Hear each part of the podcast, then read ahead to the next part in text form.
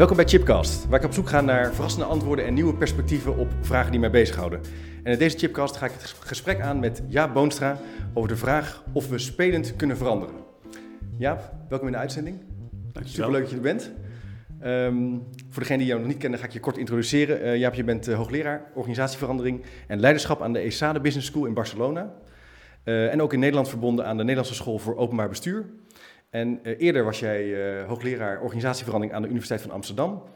En rector van het CIO, Interuniversitair Centrum voor Organisatieveranderingkunde. En um, ja, je houdt je bezig met organisatieverandering, met leren, met vernieuwen. Ja. Uh, je hebt er ontzettend veel over geschreven. Je staat wel aan de basis van heel veel uh, belangrijke boeken. Boeken. ook op praktijken. Uh, over veranderen en over leren. Um, ik ga er een aantal noemen die, mij, die voor mij wel belangrijk zijn geweest. Leiders in cultuurverandering, een boek wat je hebt geschreven. de oratie Lopen over water. verandermanagement in 28 lessen, de CD-box. Eigenlijk de voorloper van de podcast, zou je kunnen zeggen. Eigenlijk wel, ja. Ik heb ze nog in, de, in de auto geluisterd. En nu heb jij een boek geschreven, Veranderen als samenspel. Um, een prachtig boek. Een positieve kijk op het veranderen en vernieuwen van organisaties. Ja. En uh, daar wil ik heel graag met je over hebben. Leuk. Ja, dus leuk dat je er bent. Um, er staat positieve kijk in de, in de ondertitel. Wat maakt dat het een positieve kijk is?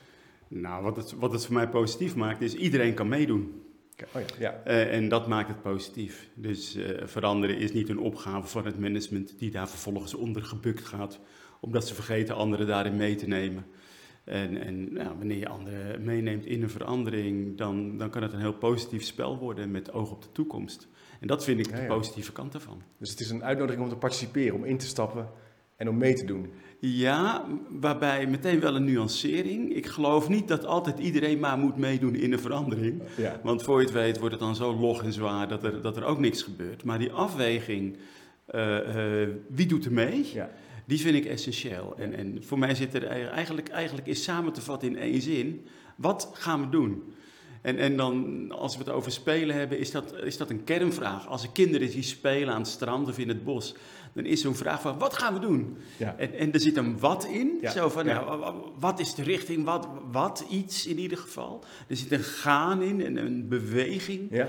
Uh, er zit een we in, wie doet er mee? Ja. En, en doen, er zit actie in. Dus, dus eigenlijk zit het in één zin. En ik hoor het die kinderen zeggen, wat gaan we doen? En ik vind het mooi als dat in organisaties die vraag ook naar boven komt. Ja.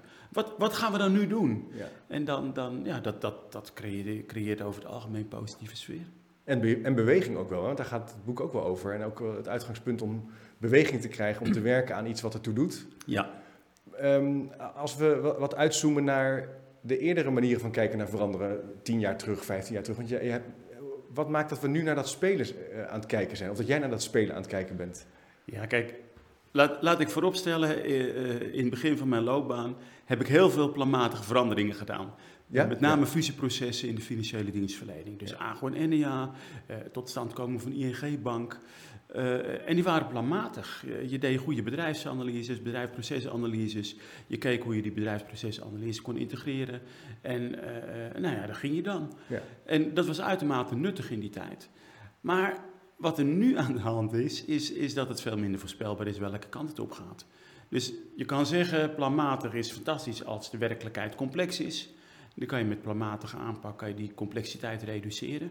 Maar als die werkelijkheid dynamisch is geworden, ja. dus, dus je weet niet precies wanneer wat gebeurt, ja, dan, dan, dan helpt planmatig veranderen niet meer. Dus dan, dan heb je echt ook een dynamische aanpak van veranderen nodig, ja. die voortdurend doorgaat. En ik denk dat de meeste organisaties op dit moment veel meer in, in een dynamische wereld zitten, waarin uh, je de toekomst niet meer kan voorspellen. Uh, in ieder geval niet planmatig kan voorspellen. Waarbij je ook met scenarioanalyses eigenlijk er niet uitkomt. Nee. Waarbij je gewoon maar het beste kan gaan spelen. En uh, voortdurend blijft spelen om je te kwalificeren voor de toekomst. Oh ja, ja, kijk, want dus, je, je noemt dat scenario plannen. Dat was natuurlijk een tussenfase waarin we zeiden van nou laten we dan niet op één manier kijken, Klopt. maar laten we op zo'n as kijken van ja. intern, extern. Ja. En dat, dat was al een manier om, om die werkelijkheid op verschillende manieren te Klopt. verkennen. Klopt. En je zegt eigenlijk nu kan je nog verder gaan. Het is zo dynamisch aan het worden, zo snel veranderend aan het worden dat door, door te spelen blijf je aangesloten op die ja. buitenwereld. En je, eigenlijk maak je voortdurend scenario's, alleen maak je voortdurend nieuwe scenario's in de situatie die je dan ervaart. Ja, gaaf. En dat doe je dan weer voor een deel samen. En ja, nou, de meeste mensen beleven daar plezier aan. Niet iedereen overigens, maar de meeste mensen wel. En uh, hoe kijk jij aan tegen dan het punt dat uh, soms ook wel mensen zijn die geen zin hebben om te veranderen? Of verandermoe zijn in een organisatie? Die zeggen, ja, we hebben al zoveel, daar gaan we weer. Is, dat spel, is, die spel, is die spelmetafoor daar geschikt voor? Om die, om... Nee, maar dan moeten we eerst terug. Wat maakt dat die mensen moe zijn geworden? Ja. ja dat komt omdat dat planmatige veranderingen over elkaar zijn heen gebuiteld. Ja. Want die worden nooit helemaal afgemaakt en dan wordt er alweer een nieuwe gestart. Dus dat gaat maar door, dat gaat maar door. En als je planmatig gaat veranderen in de dynamische wereld, dan blijf je ook maar voortdurend veranderen. Mensen denken, ja, er komt geen eind aan. Dus die worden vanzelf moe, dat begrijp ik wel. Maar als veranderen nou een doorgaande beweging is, waarbij je met elkaar leert, met elkaar verder komt, en dan word je ook een stuk minder moe, heb je er plezier aan. Dus, dus het heeft ook met de aanpak te maken, dat is één. Tweede is, ja, voor mij hoeft niet iedereen mee te spelen. Nee, uh, stel nu dat, dat iemand is technisch waanzinnig goed in zijn werk. En die zegt van ja, ik zie die wereld ook wel veranderen, maar wat ik doe, dat blijft ook nog wel tien jaar bestaan. Ik heb nog zes jaar te gaan. Kan ik niet gewoon mijn werk blijven doen? Waarom niet? Als iemand daar nou gelukkig in is, daar passie voor heeft, laat, laat die, die hoeft er toch niet mee te doen? Nee, die zegt, dus zo'n vraag, wie doet er mee? Wat gaan we doen en wie doet er mee? Dan zegt die persoon, nou, ik even niet. Nou, prima, dat werk moet toch gedaan worden. Ja. Geen probleem. Interessant, dus het, is, uh, het, het spelen is een keuze. Ja. ja. En je kan instappen. Ja. En je kan het natuurlijk wel verleidelijk maken om in te stappen. Maar natuurlijk. Het spel is natuurlijk is een aantrekkelijke... Maar natuurlijk. De mens is, speelt van, van nature. Ja. ja. Hoe, hoe ben jij op het spoor gekomen van dat spelen? Gaan we daarna, zou ik daarna wat verder willen ingaan op het, op het spelprincipe en de manier van kijken. Maar hoe kwam jij op een gegeven moment het, het, op het idee van ik ga dat echt wat verder bestuderen? Want je hebt er heel uitgebreid studie ook naar gedaan. Ja, ja dat, dat kwam dankzij eh, kritiek van collega's. Overigens dat ik, dat ik echt nog even een slag dieper in de studie ben gegaan. Um, maar laat ik bij het begin beginnen. Ja. Um, alles wat ik doe, alles wat ik schrijf, of het meeste wat ik schrijf, behalve die oratie die je noemde, dat is een waanzinnig conceptueel ding. Niet te begrijpen eigenlijk. Maar goed, uh, ja, als ik heel eerlijk ben. Uh, alles wat ik, wat ik ontwikkel en doe, dat ontstaat vanuit de praktijk. Ja. En uh, ik had een aantal veranderprocessen gedaan in maatschappelijke organisaties. En toen dacht ik, ja, maar de veranderingen gaan hier echt anders dan in bedrijfsorganisaties. En het was eigenlijk heel raar dat daarover nauwelijks iets geschreven is. Het gaat allemaal over generieke aanpakken, planmatig veranderen, eh, alsof one size fits all. En ik dacht van ja, maar het gaat hier echt anders. Het is ingewikkelder, het is complexer. Er zijn meer spelers op het speelveld, het speelveld is dynamischer. Dus, dus ik kom me niet meer uit de voeten. En dat maakte dat ik echt op zoek ben gegaan naar andere manieren van veranderen. Door te reflecteren op die 7, 8 uh, diepgaande veranderprocessen. En, en daar is zo veranderen als samenspel uit ontstaan. Want het gaat daar steeds meer in samenspel. Ja. Um, ja, en, en dan denk je weer, dan moet ik afstand nemen van die planmatige verandering. Nou, dat is dan een tweede stap. En daarna denk je, ja, maar wat, wat, wat gebeurt hier nou? En het gaat dan inderdaad voor mij veel meer om spelen. Dus, dus dat, uh, dat boek, dat, dus dat model, uh, spelmodel, is ontwikkeld vanuit de praktijk. Nou, dat werd eerst gepubliceerd in een ander boek. Ja. Ja, daar kwam veel kritiek op van vakgenoten. Eigenlijk heel leuk. Eén, één vakgenoot zei, het leven is geen spelletje. Het leven is geen spelletje. En toen dacht ik van, nou ja, voor mij wel lul. Ja, ja dus bedoel... uh, maar goed, oké. Dus die, die, die kon ik nog wel zo aan de kant schuiven.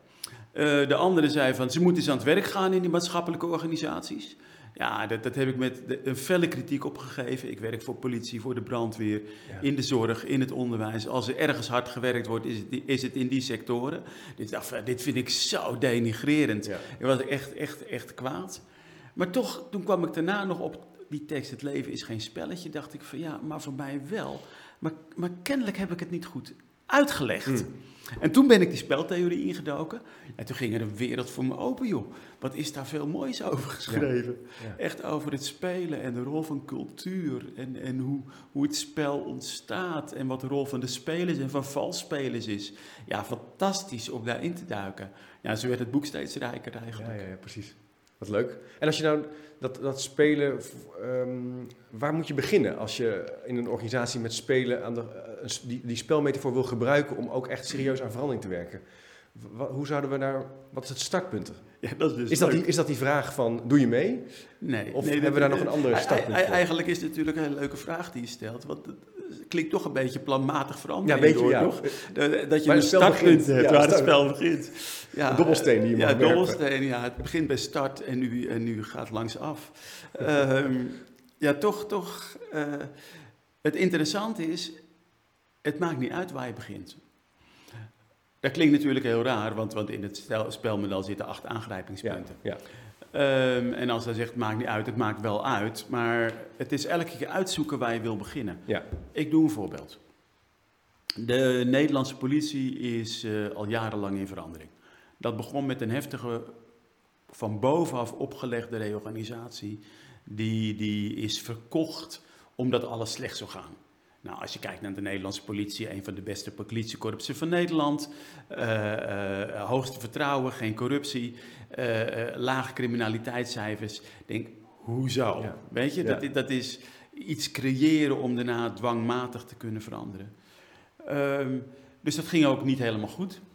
Nu is daar helemaal omkeer gemaakt om het anders aan te pakken. Ja, waar begin je dan? Ja, dan begin je niet met een analyse van wat er allemaal fout gaat. Want dat, er gaat ten eerste al niet zoveel fout en dat is al gedaan. Dus ja, in dit geval is de startpunt voor de verandering. Kunnen we het met elkaar hebben over wat we met elkaar hebben beleefd, de spelbeleving van de voorgaande reorganisatie. Want als je die niet ook bespreekbaar maakt en invoelbaar maakt, dan kan er ook nauwelijks een nieuwe start plaatsvinden op een andere manier. Dus je kijkt terug op eigenlijk het voorgaande spel, zou je kunnen zeggen. Ja. De voorgaande activiteit die over verandering is gegaan. En je probeert die beleving scherp te krijgen. In dit geval, de In dit beleving. geval, dat zou een aangrijpingspunt kunnen zijn. Ja. Uh, ander voorbeeld, Agentschap Telecom. Die, die zorgt voor ongestoord uh, telecommunicatie in Nederland. Um, nogal relevant als je kijkt naar de storing van 112 de afgelopen ja, keer. Enorm, ja. Um, ja, waar begin je dan? Ja, dan begin je bij spelbeleving. Maar, maar daar had de directie al een fantastisch strategisch plan gemaakt. En als je dat las, was gewoon goed gedaan. Alleen ja, zo abstract dat niemand het begreep in die organisatie. Ja, waar begin je dan?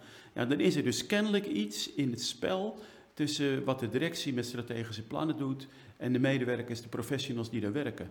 Ja, dan zou ik zeggen, laat maar eens beginnen met de spelpatronen. Wat nou maakt dat die, dat die spanning of dat die tegenstelling is ontstaan. Dus dan begin je bij spelpatronen. Pak je spelpatroon, ja. Uh, wanneer het gaat over een hele nieuwe organisatie, dan denk ik van ja, begin maar met, met het speelveld. Wat is er allemaal gaande op het speelveld? Ja. En, en, wie staan er nog meer op dat speelveld? En, dus elke keer, dus dat vind ik het voordeel, elke keer kan je kijken wat is nou, nou, wat is nou een mooi aangrijpingspunt ja. om te beginnen. Ja. En uiteindelijk kom je toch wel langs al die elementen van het spelmodel. En je loopt eigenlijk het spelmodel langs, je kan eigenlijk overal beginnen. En wat je eigenlijk daarmee ook doet, is dat je andere taal geeft uh, aan hoe je naar een organisatieverandering kan kijken. Ja. Dus je framet eigenlijk ja. een omgevingsanalyse als uh, de spelomgeving. Ja. Dus, dat is, dus je kan op dus verschillende manieren naar, naar, naar het boek, maar ook naar, naar Ja. het spelen kijken. Je Ja. kan het gebruiken als een manier om te, om, te, om te gaan veranderen of als duiding, om duiding. naar je, naar je eigen werkzaamheden te kijken en je rol als veranderaar. Ja, nou, die, die taal, dat was nog wel een dingetje. Ehm, het is hartstikke moeilijk, heb ik eh, gemerkt bij het schrijven, om weg te blijven van die planmatige verandertaal. Die is zo ingesleten. Ja. Dus op een gegeven moment ben ik echt gaan zitten, heb ik een tabel gemaakt Ja. van, van nou, dit is planmatige taal en Ja, dit is de speltaal. En, en het is zo, het is zo Diep in ons. Nou, je merkt al aan mij. ons. Ja, ik- jij, hoe- jij, jij, jij begint er ook mee. Hoe beginnen we? Hoe beginnen we? Dit is, hey, ons, leuk zo'n boek, hoe beginnen we? Ja. Ja, nee, maar het, is, het is zit gewoon... heel diep in- zit heel diep in heel ons. diep in ons. Ja. En het zit nog dieper in managers. En het zit ook heel diep in bestuurders. Ja. En, en, eh, dus ik vraag ook wel van, ja, wat, wat maakt bij die bestuurders dat je toch kiest voor meestal een planmatige en dan ook nog meestal een eh, eh, top-down aanpak, rationeel planmatige aanpak. En er, zijn, er zijn veel redenen dat, dat er nog steeds veel gebeurt. Eén is eh, behoefte aan controle en beheersing van het veranderproces. De grap is dat, dat als je het heel planmatig doet in een dynamische omgeving, wordt het alleen maar onbeheersbaar. is Dus een het illusie. het is een illusie, maar goed, maar toch, eh, ik begrijp het wel. Druk van aandeelhouders, zeker in eh, commerciële bedrijven. Want die willen een plan, hè, die, eh, elk, het liefst elke, elke kwartaal.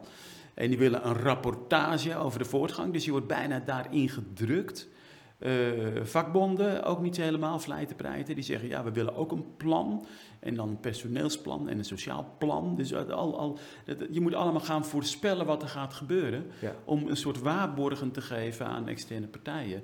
Dus ja, dat, dat, dat zijn wel redenen waarom je heel veel ziet dat, uh, dat die planmatige verandering nog steeds veel wordt gehanteerd. Het, wordt, het is een taal, het is een manier van leven, van kijken. Ja. Terwijl we dus eigenlijk in een samenleving zijn waar dat niet meer functioneert. Nee, niet altijd meer. Niet altijd meer. over... ik, denk, ik denk meestal niet, meestal maar, niet, maar zeker in die maatschappelijke organisaties niet. Nee, want je had toevallig over, uh, ik ga dan verbouwen. En jij zei, ja, dat, dat is een verbouwing, is, daar kan je wel degelijk planmatig kijken. Zou ik vooral doen. Ja, vooral doen. Dus daar heb je al wat goede tips gegeven. Maar de duurzaamheidsvraagstukken nu, of de eenzaamheidsvraagstukken in de samenleving, of dat zijn vraagstukken die ja. minder nou makkelijk te duiden zijn. Duurzaamheid zijn, zijn allebei interessant. Ja. Stel nou dat ik een woningcoöperatie ben. En ik heb uh, uh, 20.000 woningen. En die wil ik verduurzamen. Um, dan zou ik daar toch ook voor kiezen voor, voor een zekere, zeker een planmatig aanpak. Want als je dat grootschalig en meeslepend doet en je vernieuwt alle daken in één keer met zonnepanelen, dan kan het een stuk efficiënter en goedkoper. En het heeft meer effect dan wanneer je dat heel erg spelende wijs doet. Ja. Dus, dus daar vind ik wel uh, een planmatige aanpak uitermate zinvol. Um, de vraag is dan, als ik nu dat in samenspel met bewoners wil doen, en nou goed, dan kom je op een ander, ander spel. Ja, Maar ik zou, daar zit zeker een planmatig element in. Het eenzaamheidsvraagstuk, dat is, even, dat is echt zo'n taai maatschappelijk vraagstuk, waarbij, je, waarbij je planmatig kom je er niet meer uit. Uh, dan gaat het echt om netwerken bouwen, kijken hoe je, hoe je met elkaar eruit kon komen. Uh, soms gaat het ook om het bouwen van nieuwe woonomgevingen. Maar ja, waar bouw je dat? Hoe bouw je dat? Met wie bouw je dat? Wie doen er mee? Gaat hij weer? Wat gaan we doen en wie doen er mee? Dat zijn dan essentiële vragen. Spelomgeving, dus daar, ja, ja. En daar zou het best kunnen zijn dat er een variëteit aan initiatieven ontstaat. Ja, uiteindelijk. En dat lijkt me dus wel prima. En dat zou dan prima zijn, ja. Want en die kunnen ook allemaal naast elkaar bestaan. En daar kan je weer van leren. Ja. En, zo'n ander mooi vraagstuk vind ik de dikke kinderen. Het aantal de dikke kinderen in Nederland neemt uh, schrikbarend toe. Ja. Uh, tot ziekmakende obesitas uh, aan toe, 3% bij de kinderen, dat is veel. Um, nou, die hebben allemaal diabetes B als ze 20 jaar zijn en de rest van hun leven. Dus maatschappelijke kosten zijn gigantisch. Uh, de dikke kinderen worden meer gepest op school. Het gaat over welzijn, het gaat over gezondheid, het gaat over leefbaarheid. Hoe los je dat dan op? Nou ja, uh, als je het dan hebt over speelveld en spelers op dat speelveld. Uh, in Amsterdam is er een project gestart. Noemen we nog wel projecten, ik slip ook weg. een initiatief gestart, zou beter zijn. Om elk kind op gezond gewicht te krijgen. Ja. Ja. Nou, alleen in Amsterdam-West doen 300 organisaties mee om dat voor elkaar te krijgen. Ja, het speelveld is dan dus aan de ene kant klein, Amsterdam-West. En tegelijkertijd op dat speelveld staan zoveel spelers dat het toch heel dynamisch is. En het heeft over scholen en sportclubs en, en uh, het woningbedrijf en, en, de gymleraren van die scholen. Uh, we hebben het over de snackbar op de hoek. We hebben het over de supermarkt, over de automatenleveranciers. En het gaat zomaar door. Dus drie, 300 organisaties, heb ik nog niet eens over de mensen in die organisaties. Dat is enorm. Die, nou, dat bedoel ik van, van ja. dat zijn de maatschappelijke vraagstukken waaraan we werken. Ja. En dat begint dus met de, misschien wel met de vraag, doe je mee? Ja. Wat gaan we doen en wie doen er mee? Wat gaan we doen en doe je mee? Nou, wat gaan we doen? Elk kind op gezond gewicht. Ja. Je moet ook een duidelijk verhaal hebben. Ja. Ja, en toch wel een stip of een idee van, dat willen we bereiken. Laat ik het ambitie noemen. Ambitie. Spelambitie. Spelambitie. Een metafoor van het, uh, van het spelen te blijven. Ja. En dat, dat, maar dat, als we dit als zouden framen als een nieuwe manier van kijken naar veranderen, dan heeft het ook wel implicaties voor managers, voor professionals die zich bezighouden met veranderen, met ontwikkelen. Het is dus niet meer zo beheersbaar en controleerbaar. En je, zal dus, je hebt dus een variëteit van aanpakken. Ja. Je kan dus een planmatige aanpak hebben, maar die, hoe dynamischer die omgeving is. Hoe anders je het gaat aanpakken. Je kan niet meer zoveel kijken naar een eindresultaat, nee. maar, je op afge, maar je kan wel misschien een beweging op gang brengen, een spelbeweging. Ja. Ja, ik denk dat dat de essentie is. Ja. Wat natuurlijk voor veel, met name grotere adviesbureaus, een pijnlijke eh, constatering is. is. Uh, want waar vroeger uh, organisatieproblemen werden uitbesteed aan een adviesbureau die dan met een rapport kwam waarna de directie het mocht implementeren. Ja, dat gaat niet in dat spelmodel, lukt dat niet meer. Dan ben je medespeler geworden en niet meer de adviseur die de diagnose maakt en uh, het probleem op tafel legt met een plan om het te implementeren. Ja. Dat is allemaal weg. Ja. Dus, dus ja. ja Nou ja, dat is ook wel boeiend, want als, als ik, ik werk veel met jonge studenten in Spanje, dat, dat internationale jonge studenten. Ja. Als ik die zes, zeven jaar geleden vroeg van nou, uh, wat ga je doen, zit aan het eind van de studie, dan wilde er uh, 20% wilde bij een groot accountantskantoor werken. 30 tot 40 procent bij een groot adviesbureau. Ja. En dan zo'n 20 procent nog bij een bank. En dan uh, de rest vloog een beetje uit. Als ik dat nu vraag, nul bij een groot adviesbureau, nul bij een groot accountantsbureau, nul bij een bank. Zeg je, wat ga je dan wel doen? Dan zeggen ze, nou, ten eerste, het moet, de organisatie moet wel betekenis hebben. De waarden van de organisatie moeten aansluiten bij mijn waarden. En als dat niet lukt, dan doe ik wel een start-up. Ja. Volslagen omkering. Totaal Maar, maar ik denk, ja, dit, als dit het, het toekomstperspectief is, ja, ik krijg er een glimlach van op mijn Ja. gezicht. Maar als dit het toekomstperspectief is, dat heeft dus ook met het spelen te maken. Eh die jongeren die gaan veel makkelijker spelen, dat vind ik fraai. En die grotere adviesbureaus die gestandardiseerde producten verkopen of aanpakken verkopen. Ja, eh, eh, ik weet niet wat hun toekomst is, maar ik heb daar een zwaar hoofd in. Dat is lastig, ja. Ja. Het vraagt dus een andere manier van kijken naar beweging creëren. Dat is dus niet meer zozeer eh, eh, te adviseren via een implementatieplan. Misschien is het, het implementeren, het spelen. Het spelen wordt eigenlijk het, Ja. het direct vormgeven. Hoe, hoe, eh, hebben, betekent dat ook dat, het, dat je al direct, dat je in het veranderen al direct werkt waar het over gaat? Je, doet- je doet het niet alsof. Ik kan me voor, je speelt, of speel je ook soms zeg maar, voor, het, voor het neppie en voor het echi? Er is altijd wel een vraagstuk of een opgave of Ja. een ambitie of iets wat knelt. Dat Ja. is er altijd wel. Ja, En, en op basis daarvan, eh, maar het is niet helemaal helder wat dat dan is. nee. En om het helder te krijgen kan je gaan spelen. Ja. En dan kan of de problematiek scherper worden of duidelijker worden, of de ambitie kan duidelijker worden, of de spelers op het speelveld, de dynamiek kan duidelijker worden. Dus dan, dan begin je daar wel een Ja. beetje mee in Ja. het begin. Ja. Dus het is een vaag, het is niet helemaal concreet te maken wat, wat het Nee. doel is, maar er kan wel een, en met die kinderen met obesitas, kinderen op gewicht, is natuurlijk wel een, een richting. is een heldere richting. Ja, Dat ja, is wat je wil. ja, ja. Maar het zit veel meer op een waardeniveau dan, dan op een eh, eh, meetbaar of materieel doel. Ja. Wat zegt dit nou over de, de organisaties die het nog sterk moeten hebben van een hiërarchie rondom veranderen? Er is ook wel, veel organisaties werken wel met een, hebben een structuur, een primair proces Ja. en een structuur, waarin het toch nog wel dominant is dat in de lijnorganisatie er wordt nagedacht ergens over het, het waarom. Ja, En dan worden waarden geformuleerd, een strategie, en dan mogen Ja. mensen dat uitvoeren. Hier heb je eigenlijk iedereen nodig die mee wil doen. ja die mee wil doen. Wat moet je nou als leidinggevende daarmee? Dat kan, kan best spannend zijn. Het is vreselijk Het is, ingewikkeld het is best ingewikkeld. Nou ja, kijk, maar je hoeft niet je mond te houden. Je hebt ook een rol als leidinggevende of je hebt ook een rol als bestuurder. Ja, Je kan ook jouw dilemma's en vraagstukken eh, op het spel zetten en, en daarover in gesprek gaan. maar op het spel zetten letterlijk. Je ja, brengt ze in, eh, ja, Ja, ja. waarom niet? En, en, en dan, je hoeft jezelf niet buiten te sluiten. Nee, liever niet. Nee. Natuurlijk, je hebt een rol mee Dus je, mag, je speelt mee. je, speelt mee. Je speelt Je mee. gaat, komt op het, bord, op het spelbord te staan. Ja, absoluut. Ja. Kijk, wat ik heel intrigerend vond, ik noemde even Agentschap Telecom. Ja, Eh, hartstikke leuke organisatie. Waar de directie dus echt een heel goed strategisch plan had gemaakt. Alleen ja, eh, eh, rond digitalisering, mondialisering. Wat dat betekende voor gewoon telecomverbindingen. Voor 5G, voor, voor internationale verhoudingen. Echt fantastisch plan, goed gedaan. Ja, alleen die technici die van radiofrequentiegolven houden, dat landde niet helemaal. Ja, wat doe je dan? Ja. Dus de spelambitie was gemaakt, alleen Ja. die werd niet gedeeld. En nou ja, op het moment dat je hem daarna gezamenlijk gaat maken, door, door aan iedereen te vragen, wat zie jij om heen in je werk gebeuren? Met wie heb jij te maken? Wat betekent dat? Wat zie jij aan trends en ontwikkelingen? Al die mensen houden gewoon de- hun vakontwikkelingen bij, want het zijn professionals. Als je dat ophaalt, heb je ook een hele brede ja, analyse. en dan gaat het ook leven. Dan gaat het leven. zelf. Nou, en dan zeggen van, wat is dan de ambitie van jouw werk of van jouw afdeling? Nou, dan komen al die ambities bij elkaar van die afdelingen. Ja. Nou, dan wordt het leuk. Dat, daar, dat heb ik toen onderschat. Ik dacht van, nou, dat leggen we nu bij de directie om er één verhaal van te maken. Ja. Dat bleek helemaal niet zo eenvoudig te zijn. Want daar bleken 24 verhalen te zijn. Ja. En hoe maak je daar nou één overkoepelend verhaal van, wat niet te abstract wordt, want dat kan natuurlijk altijd, dus, en waar iedereen zich nog in herkent. Nou, ik dacht, dat ben je wel, eh, in vijf weken heb je dat wel klaar. En dat heeft dus 2,5 maand gekost, voordat het echt goed was. Ja.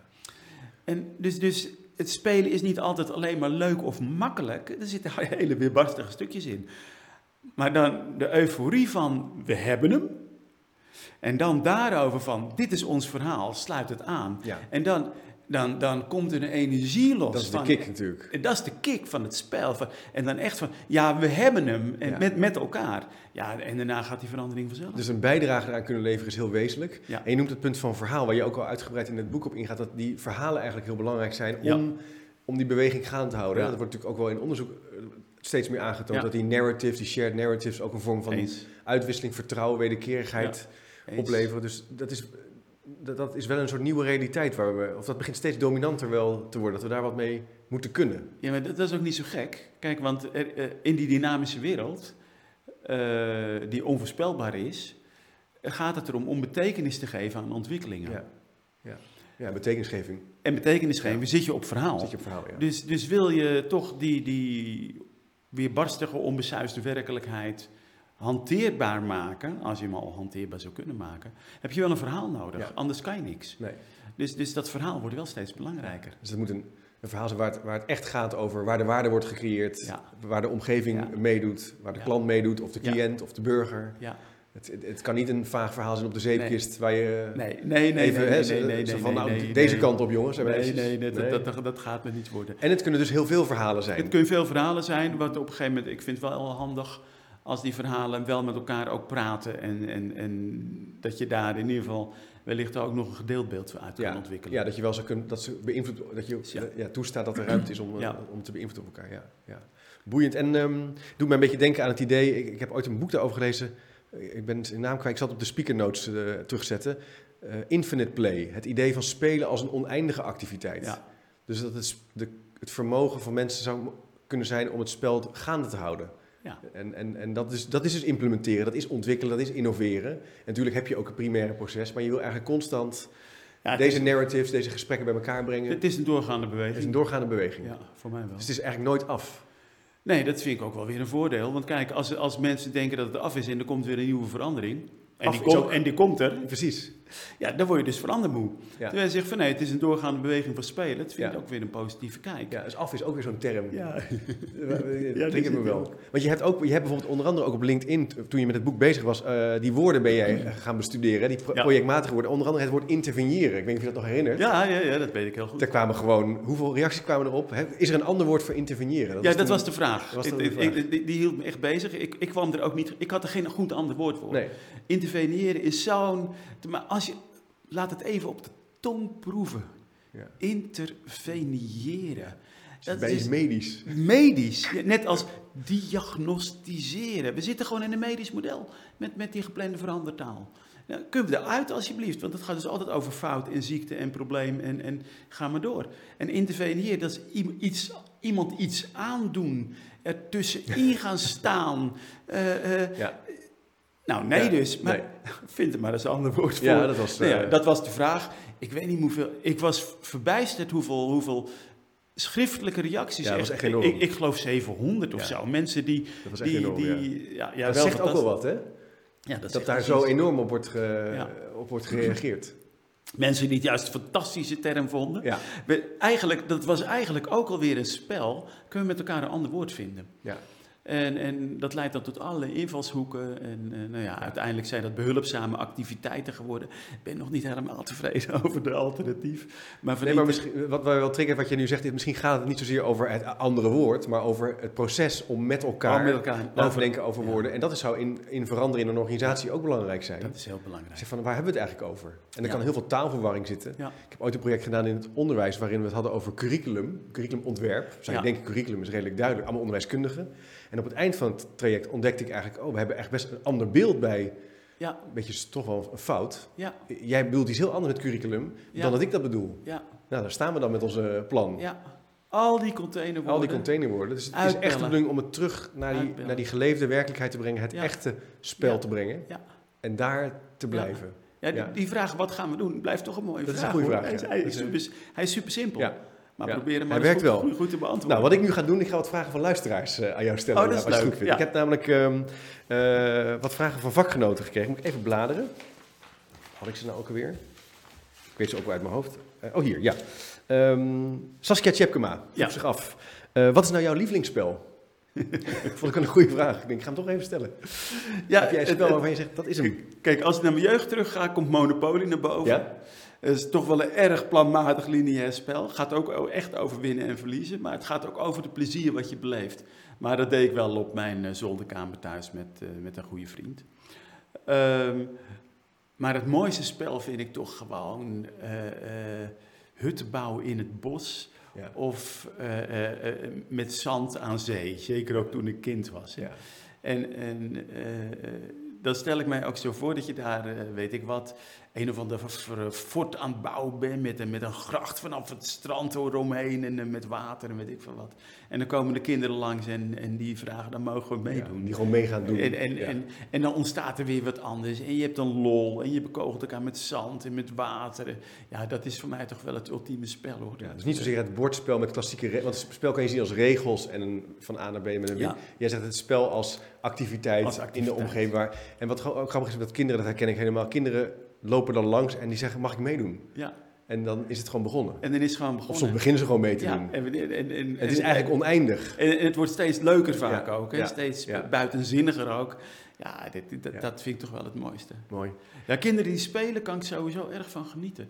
Kijk, ook, ik heb veel projecten in uh, Zuid-Afrika gedaan, Johannesburg. En wat je altijd ziet, is kinderen spelen op straat. En die maken met elkaar het spel Waarbij ze eigenlijk met zo min mogelijk materiaal, want dat hebben ze niet. En dat spel is, dat straalt zoveel vrolijkheid en creativiteit uit. Misschien wel juist door de schaarste. Dat, daar, daar zie je nog het echte spel. Ja, dat, dat zijn toch wel de spelen die mij het meest trekken. Om naar te kijken, om te doen, ja, dat vind ik mooi. Vind ja, er is ook wel. Ik heb uh, ooit met Arne Gillet, een collega van Kessler Smit, ook rondom spelvormen gewerkt. En die had het altijd over beperkte ruimte. Ja. Dus het helpt ook als je. Bij kinderen kunnen bijvoorbeeld heel goed uh, uit de voeten met, als de ruimte wordt beperkt. Als er dus geen speelgoed is. Of als er in één keer niet uit die kamer mag worden gegaan. En dat kan ook een manier zijn natuurlijk ook om in dat speelveld een organisatie... Maar natuurlijk. kan zeggen, we hebben geen budget. We kunnen niks. Je kan ook denken, nee, dat kan juist nu. Dat, dat is dus fantastisch. Dus het flippen van het, van het uitgangspunt. Ja, en, en, en juist dan, dan komt het spelelement veel makkelijker naar boven eigenlijk. Als, uh, ja, want je moet dan, dan doe je een beroep op creativiteit. Ja. En om, uit, om eruit te ontsnappen. Ja, ja dan komt het, komt het mooiste naar boven. Dan komt het mooiste naar boven. En hoe kijk je dan tegen... Kijk, kinderen spelen en eh, managers of bestuurders kunnen denken... ja, maar ik kan niet zomaar met iedereen aan de gang gaan. Dan wordt het chaos, hè. We moeten toch... Ja. Hoe, hoe, hoe, is dat dan weer die oude wereld die dan weer even zo naar boven popt? Nee, nee, of is er wel enige vorm van structuur? Nee, nee die, die bestuurders staan in meerdere werelden. Dat, dat is het ingewikkelde. Uh, uh, ze staan in de wereld van efficiëntie en controle en regelgeving en nog meer regelgeving en verantwoording. Ja. En als je dat als bestuurder niet goed hebt geregeld, dan word je snel afgeserveerd. Ja, gaat ook niet goed. Gaat ook niet goed. Dus, dus die wereld neem ik heel serieus. ze staan in, in, in een wereld van hoe hou ik de boel bij elkaar? Ja.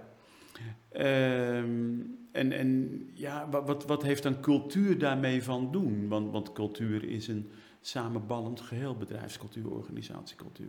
Maar wat, wat doe ik daarin en, en hoe laat ik me daarin zien? Ja. Ze staan ook in een wereld van innovatie. Van ja, eh, hoe kijk ik naar de toekomst? Wat, wat zijn nieuwe diensten, nieuwe producten, nieuwe mogelijkheden, nieuwe waarden die ik wil leveren? En ze staan in een wereld van een markt waar concurrentie plaatsvindt, ook in maatschappelijke organisaties. Dus die, die bestuurders die staan in die meerdere werelden. Ehm, en die begrijp ik. En ik begrijp ook de spanning.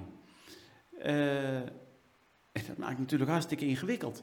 Tegelijkertijd, uh, als die wereld dynamisch wordt, waarbij het veel meer gaat om innovatie en hoe je je op het speelveld begeeft met al die spelers, ja, dan zit je toch al wel, wel meer in de spelmetafoor. Ja. Maar ik denk dat bestuurders beide, beide nodig hebben. Ja. Je hebt allebei nodig. Ja. ja. Leuk, en je hebt in het, um, in het boek heb jij het op een gegeven moment ook over vals spelen. Ja. En spelbederf. Ja. Uh, kan, je dat nog, kan je dat eens toelichten voor degene die... Uh, ja. Hoe, kan je, nee, ja. wat is, hoe kijk je naar vals spelen? Kijk, Johan Huizinga die, die heeft uh, in de jaren 30, de donkere jaren van de vorige eeuw, ja. het boek geschreven Homo Ludens. Prachtig boek trouwens, ja. heel sociologisch. wat ik dus heb ontdekt toen ik daar een, even, even, nog even een slag dieper in die hele speltheorie ging. Um, en, en die begint als eerste, of die heeft eigenlijk als eerste heeft over vals spelen. En, maar dan bedoelt hij dat valspelers eigenlijk het spel bederven of het spel ja, zodanig frustreren dat het ophoudt. Ehm, ik kijk er nog iets breder naar. Ik denk van vals spelen vind ik als dat het spel destructief vals spelen, waardoor het spel uh, kapot gaat. Ehm, ja, daar ben ik niet een voorstander van. Hè. Dus, dus uh, bestuurders die malversaties plegen, die, dat zijn valsspelers. Ja. Die kunnen daarmee hun hele organisatie op het spel zetten. Uh, op een negatieve zin. En uh, ja, dat is ook spelbederf, waarbij ik denk van ja, er worden morele grenzen overtreden. Dat is niet wat ik propageer of wat ik aanmoedig. Nee. Integendeel, daar zou ik heel erg strak in zijn. Uh, in de Europese Unie zie je ook nog wel eens spelbederf en vals spelen. bij de Brexit zie je ook vals spelen. Uh, uh, de alternatieve werkelijkheden die af en toe gepresenteerd worden, ervaar ik ook al vals spelen. Die, die hele negatieve maatschappelijke consequenties hebben. Nou, dat is één element van vals spelen. dat dan leidt het echt tot spelbederf. Maar nu de jeugdzorgwerker die gevangen zit in protocollen en denkt, ja, maar als ik nu alle protocollen volg, dan weet ik één ding zeker. Het kind wat ik onder mijn hoede heb, valt terug, is daar niet mee geholpen. Dus ik overtreed de regels en de protocollen. Maar kijk, nou, nou hebben we wat anders bij de kop. Want die komt tot nieuwe werkwijzen. Dat leidt tot innovatie. En dan ben je dus, ja, uh, vals speler. Uh, je overtreedt de regels die ook gecreëerd zijn vanuit een praktijk. Om tot, tot een nieuw spel te komen waar het goede in zit. Ja, denk van, ja, dan, dan ben ik erg voor uh, mensen die de regels overtreden. Als je de regels niet overtreedt, dan kom je nooit tot een goed spel. Kijk, interessant is, een wedstrijd... Spannend uitgangspunt. Een, een wedstrijd heeft, heeft spelregels en de scheidsrechter. Ja, ja. Maar die kinderen op het, op het strand, die hebben helemaal geen, geen, geen spelregels. Die creëren zelf de spel. Nee, je moet niet met dat droge zand gooien, want het komt in je ogen. Dat is dan een regel. Ja. En, en dat wordt ingesleten, dat is dan op dat moment de cultuur in die groep. Ja, ja dus, dus ja, als er geen regels zijn, ontstaan er regels. Als die regels te beknellend zijn, wordt het tijd om ze ter discussie te stellen of om ze te overtreden en ze te breken, zodat er weer iets nieuws kan ontstaan. Kijk, dat, dat is dan weer die positieve kijk op om, om uh, spelbederf, spel, spelovertreders en uh, ja, mensen die zich niet door regels laten leiden. Ja, mooi. Dus het vakmanschap staat nog wel centraal van diegene. Ja, die, wel, die, diegene in de jeugdzorg die zegt van ja, nu moet ik echt deze keus maken. Ja, ja. ja. Dat, dat, dus ja, vanuit liefde voor het vakmanschap is eigenlijk vanuit liefde voor het vak. Ja. Ja, dat je, dat je gewoon goed werk wil doen. Omdat je, je wil goed werk doen. Het slaat natuurlijk aan bij Manon Ruiters. Die heb je ook hier gehad. Ja, zeker. Over, over uh, kweesten naar goed werk. Het, het, het goed willen doen. En, en dan gewoon, ja, de regels overtreden, waardoor het echt hele mooie nieuwe dingen kunnen ontstaan. Ja, dat zouden we eigenlijk ook wel centraal moeten blijven houden. In plaats van te veel gaan denken dat de protocollen, de regels, de structuur van de organisatie bepaalt wat jij doet. Je zegt eigenlijk, draai het eigenlijk om. Draai het om. En probeer soms de regels hè, wel met in achtneming van uh, de moreel, of de, de moraal zou je kunnen zeggen. Dat zou een punt kunnen zijn. Maar daarmee kan je wel kan je gaan spelen. Kan je gaan spelen. binnen de morele grenzen. Binnen de morele grenzen. Ja, goed, in je eigen boekje, deze, Verslaafd en Organiseren, geef je natuurlijk ook, ook zeven prachtige verslavingen aan. Ja. Uh, die overigens heel erg aansluiten bij wat ik planmatig veranderen zou noemen. Ja, van, ja. van er, er moet een probleem zijn wat dat genereert energie.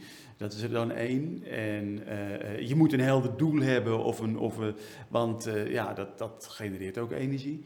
En um, dus er zit ook urgentie in. Tijd is er ook zo tijd, ja. Tijd, de hiërarchie noem je ook. Ja, dat, dat zit dus allemaal zo, ja, die verslavingen, die jij benoemt in dat boek, prachtig boek trouwens, dat, dat, dat, die zitten heel dicht tegen die planmatige verslaving aan. Dat is eigenlijk ook een ja, verslaving. Ja, dat kan natuurlijk uh, helemaal doorslaan. Dat kan helemaal doorslaan. Dus ja, hoe ontsnap je dan? nou ja, je zou, dan zou je kunnen zeggen, uh, om uit de put te komen, ja. ga je spelen, ga je zoeken naar ruimte, ja. ga je dingen maken die ertoe doen. Ja. En dat is aantrekkelijk. En je ziet er vaak ook in de organisatie, als dingen, als er iets ontstaat waar licht is, waar ruimte is, waar mensen het naar hun zin hebben, en waar ook af en toe nog successen worden behaald. Of dingen misgaan, maar ze zeggen, hé, dat hebben we geleerd. Dat is aantrekkelijk. En zo bouw je natuurlijk wel zo aan een soort je. cultuur. Ja van vernieuwing. En dat is eigenlijk waar je natuurlijk... En dat is, dat is waar, je, waar, je nou, waar, jij nou op zoek bent ook in dat Ja, en, en, en, helemaal rondom die dynamische omgeving, want dat maakt het nog wel wat scherper. Ja. Het hangt wel af van het vraagstuk, maar helemaal gelet op die ja. complexere vraagstukken die in die dynamische omgeving ook... Dan moet je dus... Ja. Uh, ook intrigerend. Ik, ik, op dit moment ben ik bezig te, te inventariseren uh, bij, bij bestuurders, uh, verandermanagers, hoe ze hun omgeving ervaren. Is die nou simpel en voorspelbaar? Zou ik zeggen, planmatig, doe vooral planmatig. Ja. is die nou complex? Hè? Als we dan maar genoeg weten, meer kennis en meer ideeën, dan kunnen we het nog wel hanteren. Is die nou dynamisch, waarbij we maar het beest gewoon aan de slag kunnen gaan? Of is die zo dynamisch dat die chaotisch is geworden? Oh ja, ja. En op dit moment, de resultaat tot nu toe, dat, het is groeiende. Iets van, van 900 mensen die daar uh, antwoord op hebben gegeven. Zit zo'n tussen de 60 en de 70 procent zegt, we zitten in een dynamische wereld. Dat is veel. Dat is echt veel, ja. Zo, zo 30, 40 zit in uh, complex. Dan ben je eigenlijk Ja. Een enkeling zit in chaotisch, dat is maar beter ook, want ja, dan wordt het wel een heel gedoe. En eigenlijk nog maar heel weinig ook in planmatig. Sommigen wel, hè. Dat, als je controle bent bij een grote bank, dan, dan, kan ik me dat nog wel voorstellen. Maar je ziet er enorme beweging in. En, Mm. en de meeste mensen zeggen, ja, de wereld zoals ik hem ervaar is dynamisch. Dus ja, dan, dan kan je maar beter gaan spelen, lijkt me. Ik denk het ook. Ja, wat, wat ik nou moet denken, ik sprak laatst een bestuurder van een groot ROC. En dat was hiervoor een accountant, een boekhouder. Dus uh, ik vroeg aan hem van hoe kijk jij daar nou veranderen? En je zou dan denken, een boekhouder die is ja. van het planmatig. Hij zei, nou, eigenlijk ben ik helemaal niet zo van het planmatig. Ik wil echt juist vernieuwen. Alleen ik geloof er wel in dat, dat je goede data moet hebben. Dat je wel ja. weet waar je het over moet hebben. En dat is in het onderwijs wel vaak gebrekkig ja. of mensen gebruiken het niet. Dus voor het spelen moet je wel goed weten, ja, bijvoorbeeld wat is mijn uitval in het VMBO? Hè? Hebben we dat helder voor ogen? Je hoeft niet per se op te sturen, maar je moet wel de data hebben om het spel te kunnen bepalen. Ja, ik denk wel dat data belangrijk is, maar data zijn ook weer multi-interpretabel. Ja, ja, de ene kan natuurlijk zeggen 20 is heel erg, en de ander zegt ja 20. Daarop, dus daar ga je al. goed. Dus daar ga je al. Dus, dus, dat zijn weer die verhalen. De. Zijn, dus ja, hoe maak je van data een verhaal? En dat, is, dat wordt natuurlijk ook sowieso een interessante opgave voor de komende jaren. Ja. Big data, ja, dat is één. Analyse is twee. Maar wat is, het, wat is de interpretatie en wat is het verhaal? Ja. Wat er uiteindelijk toe doet. Ja. En da- dan, dan, Dat wordt het, dan, wordt het, dan wordt het interessant. Dat telecom eh, waar jij het over had, die hebben natuurlijk ook data. Hoe doen die? Ik bedoel, die hebben als hoe Vreselijk veel Vrees- data. Misschien te veel. hoe, hebben die, hoe maken die daar dan chocola van? Om dat weer in een verhaal. Nou ja, wat, krijgen. ze, ze kijken naar eh, eh, bereikbaarheid, ze kijken naar uitval. Ja. Eh, en als jouw tekst is iedereen bereikbaar, betrouwbare telecom, dan, dan zijn data van is iedereen bereikbaar? Wat is de dekkingsgraad? Hoe zit het met de verschillende providers? Hoe goed, eh, eh, eh, hoe goed zijn die eigenlijk? Dat zijn relevante Dat zijn data om vervolgens met die providers in gesprek te gaan als die dekkingsgraad niet oké is. Dus het leidt altijd tot gesprek. Ja. Nou, dan is data is dan wel Ja. Of leidt, of leidt het tot bestraffing? Dat is dus een interessante ja. Gesprek of bestraffing? Gesprek of bestraffing? En ja, mijn tekst is, ik zou met een gesprek beginnen. Lijkt mij ook. Als ja. mensen echt hardleer zijn, dan kan je altijd nog straffen. Kan je gaan sturen, kan je Ja. gaan, ja. Ja, ja, Het moet uitnodigen tot dialoog, Ja, dat is eigenlijk de met data. En het moet een verhaal worden van jou, van elkaar, van Van ons. elkaar, van in dat moment. Want je zegt, jij zegt ook nog, ja, die data kan volgend jaar van 85 naar 80 zijn. Dan heb je een heel ander verhaal. Heb je een heel ander verhaal. Nog wat andere vragen van luisteraars. Leuk. Eh, ja, Ja. Ik ga nog even door. Ehm, Isolde van Roekel Tankhuis eh, Ja. eh, vraagt, vraagt, stelt de vraag, want je bent wetenschapper en adviseur. Wat vind je nou, wat, wat, wat- ben je nou meer? en is het lastig om die twee aan elkaar te verbinden? Nee, nee, het is fantastisch om ze te verbinden. Ja, dat zou ik ook denken. Maar... Het, het is fantastisch. Ik kan ze ook niet scheiden. Nee? Nee, nee, ik kan ze niet scheiden. Ehm, in mijn advieswerk, begeleidingswerk, ik, eh, duik ik gewoon die organisaties in. Ik loop de tijd met ze mee. Eh, daar leren we met elkaar heel veel van. Ehm, ik leer er wa- ook waanzinnig veel van, nieuwe inzichten. Dat, dat hele spelidee is ontstaan vanuit die adviespraktijk. Ja, ja. Ehm, dus, dus nieuwe conceptuele ideeën, die, die, die ontstaan bij mij eh, vanuit de praktijk. Tegelijkertijd, ik noemde, jij noemde die oratie lopen over water. Ja. Ehm Eén iemand op LinkedIn, toen ik iets, iets schreef over veranderen als samenspel, zei: God, doe me denken aan lopen over water. Nou, dat is bijna twintig jaar geleden. Nou, ik die tekst schreef. Ik dacht van, goh, laat ik die tekst er nog eens bij pakken dan. En het is zo grappig, er gebeurden twee dingen bij mij. Er was opeens een paragraaftitel uh, uh, over dynamiek van veranderen. Ik dacht, spelen als dynamiek van veranderen. Toen dacht ik, hey. huh? heb ik dat toen al opgeschreven? Wist ik helemaal niet meer. En toen heb ik die tekst nog eens gelezen. En, en daar zie je eigenlijk al heel veel elementen die in veranderde samenspel terugkomen. Alleen als ik die tekst teruglees, mijn hemel, wat is dat conceptueel? conceptueel ja, dat is het. Het is gewoon, nou ja, dat mensen het een leuk verhaal hebben gevonden, dat is eigenlijk onbegrijpelijk. Het is zo... Ik ben heel kritisch, maar... Ja, het is zo conceptueel. En ik heb dus kennelijk 18 jaar nodig gehad om het gewoon hanteerbaar te maken. Dus, dus dat maar daar zit al die beweging tussen. ja. Dus dat begon als wetenschapper, heel conceptueel, ook, ook wetenschappelijk gewoon zuiver. Hè? Het is oratie, prima. En dan komt die, komt die praktijkbehoefte en die maakt dat. Dus het is het voortdurende samenspel uh, daartussen. Ja, en, mooi. Uh, nee, ik vind dat bij elkaar hoort. Het past bij elkaar. Je hebt geen moeite om het. Uh, het is juist misschien wel het leuke eraan. Ik vind het leuk, want dan heb je conceptueel nieuwe inzichten bedacht. En denk je van nou, toch, toch eens uitproberen. Ja. En, Klopt dat nou wat ik. en daar ben ik wel heel, heel transparant over. En zeg ik ook aan mensen waarmee ik dan in zo'n organisatie samenwerk: van ja, ik heb, ik heb eigenlijk een heel, heel nieuw idee. Ehm, zou dat wat zijn? En ik vind het wel leuk om het uit te proberen, maar zeggen jullie als, ik, als het niet kan, alsjeblieft. En dan begint het samenspel al. En, en soms zeggen ze, nee, dat is echt een slecht idee. Dat, dan ook gewoon niet doen, hè? Dat, uh, klaar. En soms zeggen ze, oh, dat is wel heel spannend. Ja, laten we dat doen. En eigenlijk doe je in, in die spelmetafoor, ook, doe, je, ben je, doe je dat? Dat doe je het idee, doe je mee. Doe je mee. En, uh, in plaats van, zal ik dat probleem voor jou, vertel me maar eens even, ik, kom het even ik kom het even uitleggen waarom we het helemaal verkeerd hebben gedaan. En dat leidt tot prachtige gesprekken. en, en, soms zeggen ze van, oh, oh, oh, nou dat kan eigenlijk niet, maar het is wel heel spannend. Het zou wel heel goed kunnen werken. En dan, zullen we, zullen we dat doen? Ja, dat is gewoon, ook dan is het al bijna het spel. Hè? Het, uh, maar daarmee help je natuurlijk ook een organisatie om te laten zien hoe, het, hoe, ja, hoe je kan spelen. Ja is een manier ook om ja. congruent te zijn met wat je bestudeert en wat je graag wil doen. Het gaat dus altijd om samenspel. Het gaat echt wel om ja. ja. Um, ik had nog een vraag. Uh, Saskia had nog een vervolgvraag. Die zei van, um, zij, zij, zij, kent jouw werk natuurlijk ook al langere tijd. Ze zei van, ik heb het idee dat je wat meer uitgesproken bent dan in... Uh, eerder, je bent natuurlijk hoogleraar geweest waarin je ook wel overzicht op het vakgebied hebt gegeven. Dit is ook echt wel een uitgesproken perspectief op veranderen. Interessante vraag. Vind je dat ook? Of, of zie je dat anders? Wat een interessante vraag. Ben ik meer uitgesproken? Ik vind mezelf eigenlijk milder geworden, als ik oh, heel eerlijk ben. Kijk. Dat, dat ten eerste. Nou, ik was vroeger uh, in, in de tegenstelling ontwerpen en ontwikkelen, was ik ook wel behoorlijk uitgesproken. Ehm er is ook wel een tijd geweest. Nee, en het einde van het adviesvak was ook zo'n artikel wat wel behoorlijk spraakmakend was. Nee, ik geloof niet dat ik meer uitgesproken in de zin van kritisch uitgesproken ben. Ehm, maar tegelijkertijd, als je, als je dit boek leest, uh, komt, ook omdat daar die positieve benadering in zit. Ja, ik vind het een mooie vraag. Ik heb er niet zo'n antwoord op. Ehm, nee, ik was vroeger radicaler. Hm. Ja, ik was vroeger radicaler. In alles. In alles.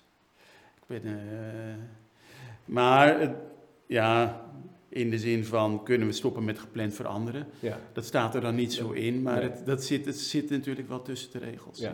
Ja. ja. Leuk. ja. ja. ja. Ik ben en uitgesproken en, en bemiddelijker, geloof Bij, beide geloof ik. Ja. Ja.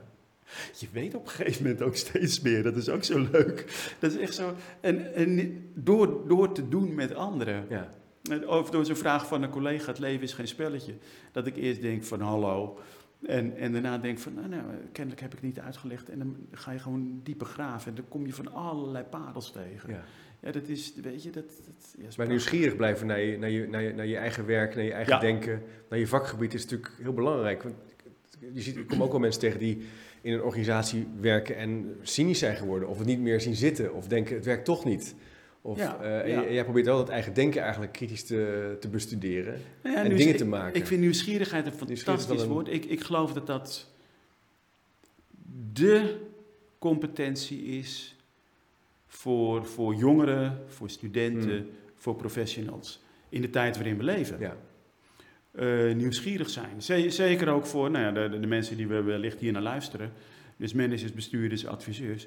Nieuwsgierigheid staat aan de basis van alles Ja. wat we doen. Je moet wel echt willen, je moet iets willen weten. Hè? Je Ja. moet- je moet, Ja, ja, het woord nieuwsgierig is het al. Ja, gewoon, ja. ja echt, echt iets willen begrijpen, doorgronden. Hoe zit het dan? Nieuwe ontwikkelingen willen zien. Dat, ja, dat is voor mij... eh, nieuwsgierigheid is een prachtig woord. Ja, Essentieel. ja. Mooi, mooi, mooi, mooi. Eh, Manon Ruiters had nog een vraag voor jou. Ik stoom nog even door. Die, eh, zei van, nou, we, die, we hebben elkaar toen gezien bij het Managementboek Event. Daar was, Ja. was zij ook uh, spreken. Jij was daar dagvoorzitter. En, en, en zij heeft natuurlijk dat spelmodel en dat, eh, het perspectief op, op spelen en veranderen gezien. Welk concept of welk mechanisme staat nu voor jou, vind jij het meest interessant? Waar gaat nu jouw ook een mooie. interesse naar uit? Je hebt de spelers, de spelers en belangen. Je hebt Ja. de spelverdeling. Noem ze even voor degene die... die ja. eh, ik zal ook op de website eh, een, eh, de pdf plaatsen en de link naar de website. Want er is nog echt veel over te vinden. Spelvormen, spelidee, spelambitie, spelpatronen. Impact hebben, context maken. Dat zit er eigenlijk onder, hè? Impact maken. Ja, ja, het zit eronder. Impact hebben en context maken. Ah, mooi. Ja, ik, ik... ja, het meest intrigerende vind ik toch spelpatronen. En dan hebben we het echt over de dynamiek in Ja. organisaties. Om die te doorgronden. Ja, Eh we hadden net over, daar ben ik echt ook nieuwsgierig naar. ja, ja. Je ziet zoveel rare dingen gebeuren. En dat je denkt van, wat is dit dan? Eh, Maar daar dat begrijpen, de vinger achter krijgen, hebben we het over organisatiecultuur, hebben we het ook over eh, politieke belangen in die spelpatronen, over, Ja. over de onderlinge verhoudingen. Ja. En dat, dat intrigeert me eigenlijk al sinds ik, sinds ik met het vak begon. Ik heb heel veel over, over macht en politiek Ja. gedaan in organisaties. Nou, dat zit ook in die spelpatronen. Dus die fascinatie naar, naar van, hoe, hoe, ga- hoe gaat het hier eigenlijk? Die vind, ik, die vind ik, geloof ik, toch wel nog steeds het meest spannend. Maar speelveld en spelers vind ik ook boeiend, omdat er zoveel verandert op het speelveld. ja. Dus, dus ja, ook weer de nieuwsgierigheid van, van wat is er dan gaande op dat speelveld? Kan ik dat begrijpen? Wat is er nog meer? En, en daarna op zoek. Kijk, ja, zo'n spelambitie, ik kan prima spelambitie maken met een organisatie. In zes maanden staat die. Weet je, dat is, dat is vakwerk, eh, dat is handwerk. ja. Dat is mooi om te doen. Maar daar zit niet die, dat, dat ontdekkende in. Dat ontdekkende zit voor mij echt in die spelpatronen, Ja. cultuur, machtsverhoudingen. En wat, wat is er gaande dan op dat speelveld met die spelers? Ja, daar zit hij. Daar zit die... eh, Dan zie je bij mij ook de grijs op het Ja, gezicht ja, ja, zeker. Want dit, dat spelpatroon, zie jij, de, die, zie jij de organisatie als een soort organisme in zekere zin, waar dus allerlei eh, elementen zijn die overgeleverd zijn door de historie, door machtspositie, door structuur die je moet kunnen begrijpen? Hoe, hoe kijk je naar, zo'n, Ja. naar dat patroon? Organisme is voor mij nog iets te veel eh, een levend wezen waarbij alles op elkaar is Ja, afgestemd. je hebt mensen die dat zo naar kijken. Dat zou jij niet zo... Nee, het- kijk, Morgan heeft een mooi boek geschreven met een aantal metaforen. Ja. En, en als ik mij daar, daartoe beken, dan kom ik veel meer op de fluxmetafoor. Ja, Waarbij alles een doorgaande beweging is en alles elkaar beïnvloedt. Ehm, maar ik ben ook geïntrigeerd in culturen. Dus, dus eh, eh, de homo ludens, de betekenis van, van de mens in de cultuur, het creëren van cultuur. Dat zit wel in dat spelpatroon. En die culturen, de spelregels, maak je wel met elkaar in de loop der tijd. ja, En dat is natuurlijk wel fascinerend om te zien en om dat te onderzoeken. Dus in die zin heb je, eh, deel ik jou, jouw perspectief. Een cultuur is iets wat is ontstaan in het verleden door om te gaan met onverwachte gebeurtenissen. Eh, waar mensen dan weer eh, onbewust regels in maken, die dan weer inslijten, die... Die, die, die worden werkelijkheid. Die worden werkelijkheid. wordt niet meer Dat ter discussie gesteld. Nee, hoe je naar de werkelijkheid kijkt. Ja, dat achterhalen. Daarom vind ik het achterhalen van de historie van een organisatie... is ook altijd voor mij essentieel om te Ja, begrijpen wat er echt aan de hand is. Ja.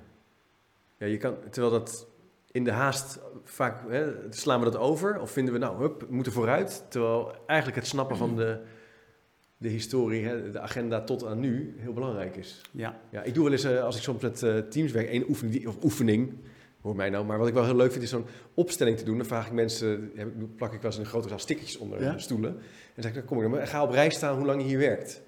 ja En dan mooi. kan je eigenlijk al, als iemand 20 jaar geleden werkt en je vraagt wat speelde er toen en je doet dat tot nu, dan eigenlijk al zie je al zoveel. Prachtige ik heb het ooit een keer met Saskia Tjepkema samen gedaan en dat was voor mij echt een eye-opener. Prachtig. Je ziet het eigenlijk ineens. Ja, Terwijl als je dat dus niet doet, Eens. Is de valkuil als veranderaar of als adviseur dat je lekker bezig gaat met een Ja. eh, curriculumontwerp of Ja. eh, effectief samenwerken? En terwijl je ontdekt, hé, dat hebben ze vier keer hiervoor ook al gedaan. En hoe, wat, wat is er dan toen gebeurd dat we nu hier weer staan? Hè? Dat zijn toch intrigerende vragen. Ja.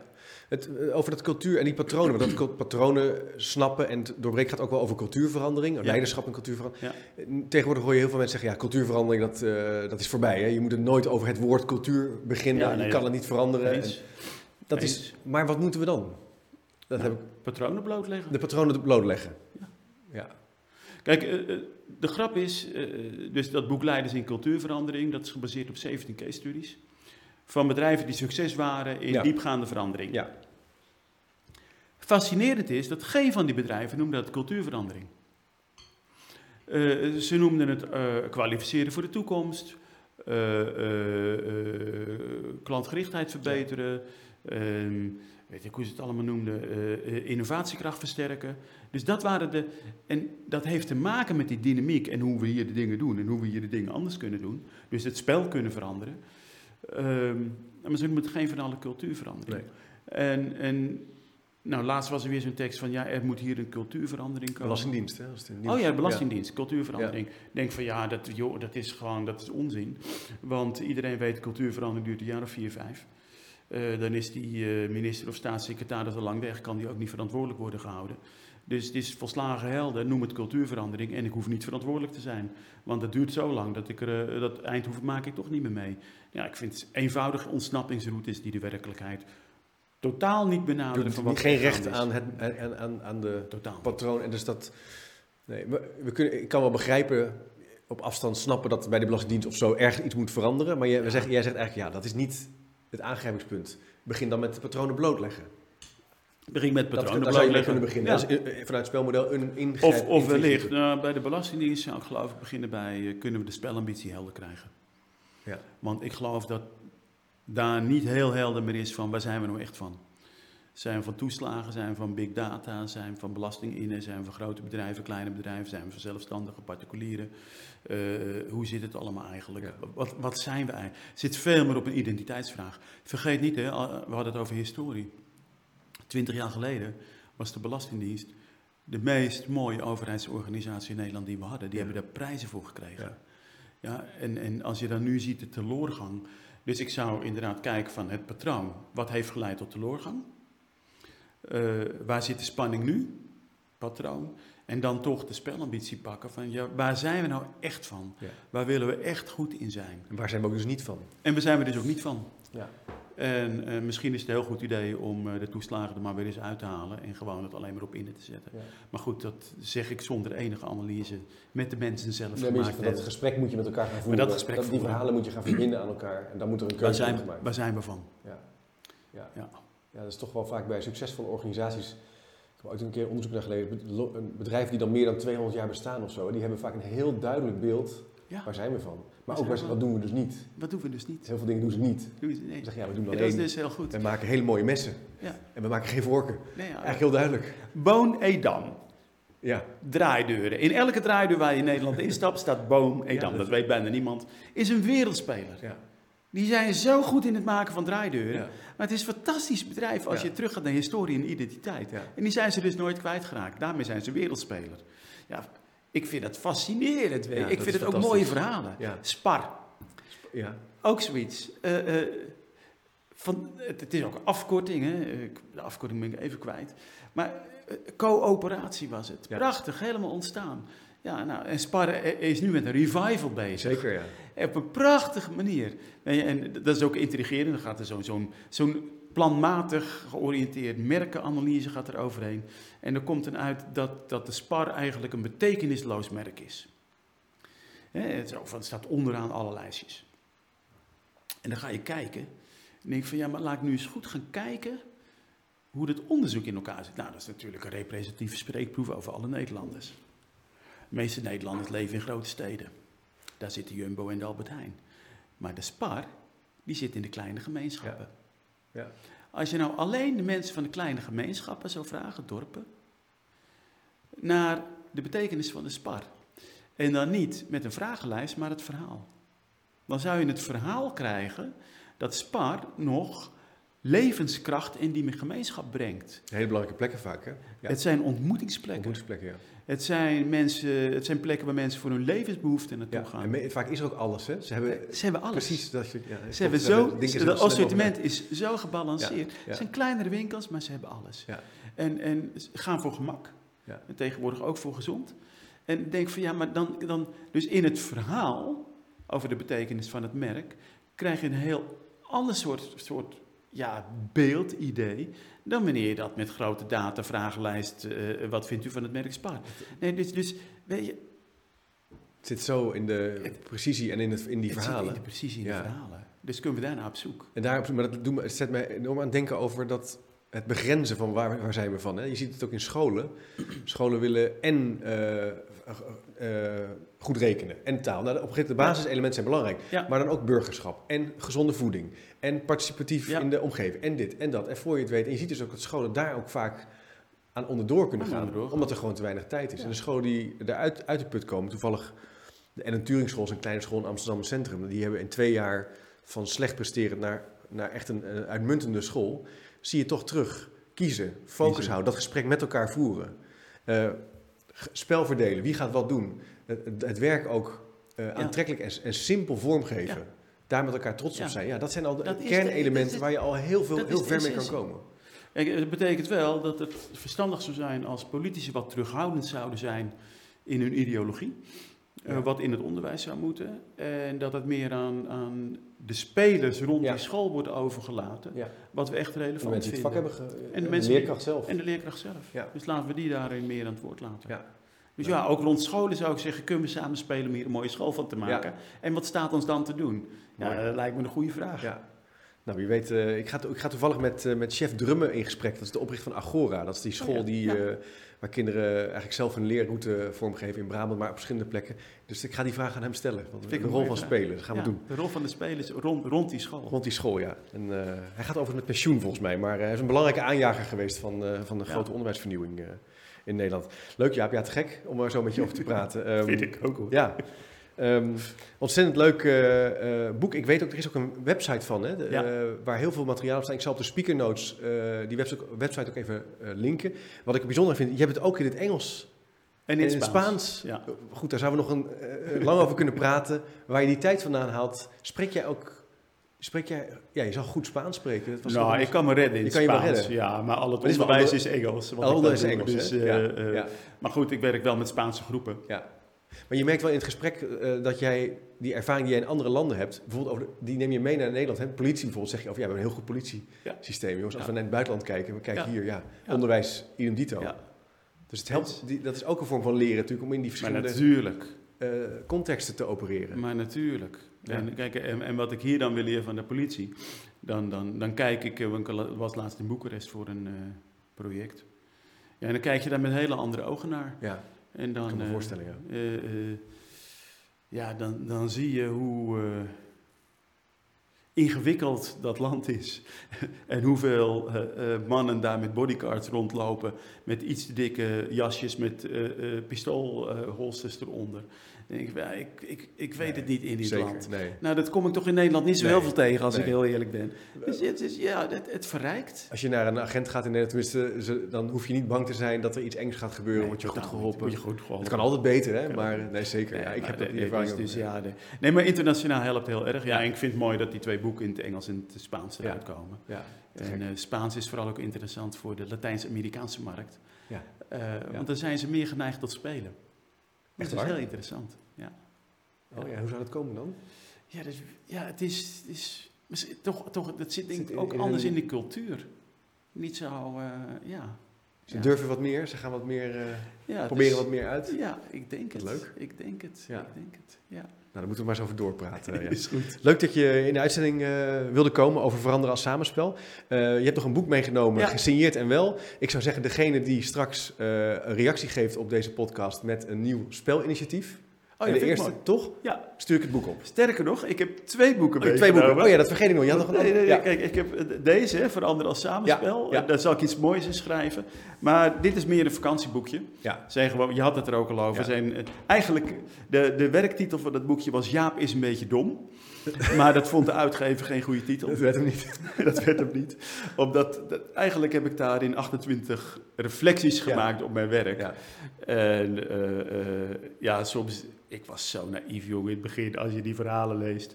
Maar goed, ook die naïviteit, hè, dat is interessant. Omdat ik zo naïef was, kon ik heel onbevangen zijn. Ja kon ik mijn nieuwsgierigheid botvieren. Durf je vragen te stellen. Durf je vragen te stellen. En kon ik meer gaan spelen. Zo kan ik er ook naar kijken. En dan is naïviteit misschien ook wel weer een kracht. Ja. Maar goed, eh, dat moeten mensen zelf maar lezen. Leuk, nou die hebben we er nog bij. Dus uh, uh, beste luisteraar en kijker, stel een vraag, vorm een experiment over spelen in jouw organisatie of met andere partners. En dan krijg je het boek als geheugensteun of duwtje in de rug door mij opgestuurd. Hartstikke goed. Uh, ja, wat te gek dat je er was. Uh, kijk nog even in de camera. Voor degenen die hebben gekeken, uh, bedankt voor het kijken en luisteren. Ga nog naar, als je wil, naar www.chipcast.nl voor de speaker notes. Daar vind je eigenlijk alle onderwerpen per vijf minuten gerangschikt. Eventueel nog aangevuld met de bronnen. De link naar het boek ook. bedankt voor het kijken en luisteren. En tot de volgende keer maar weer.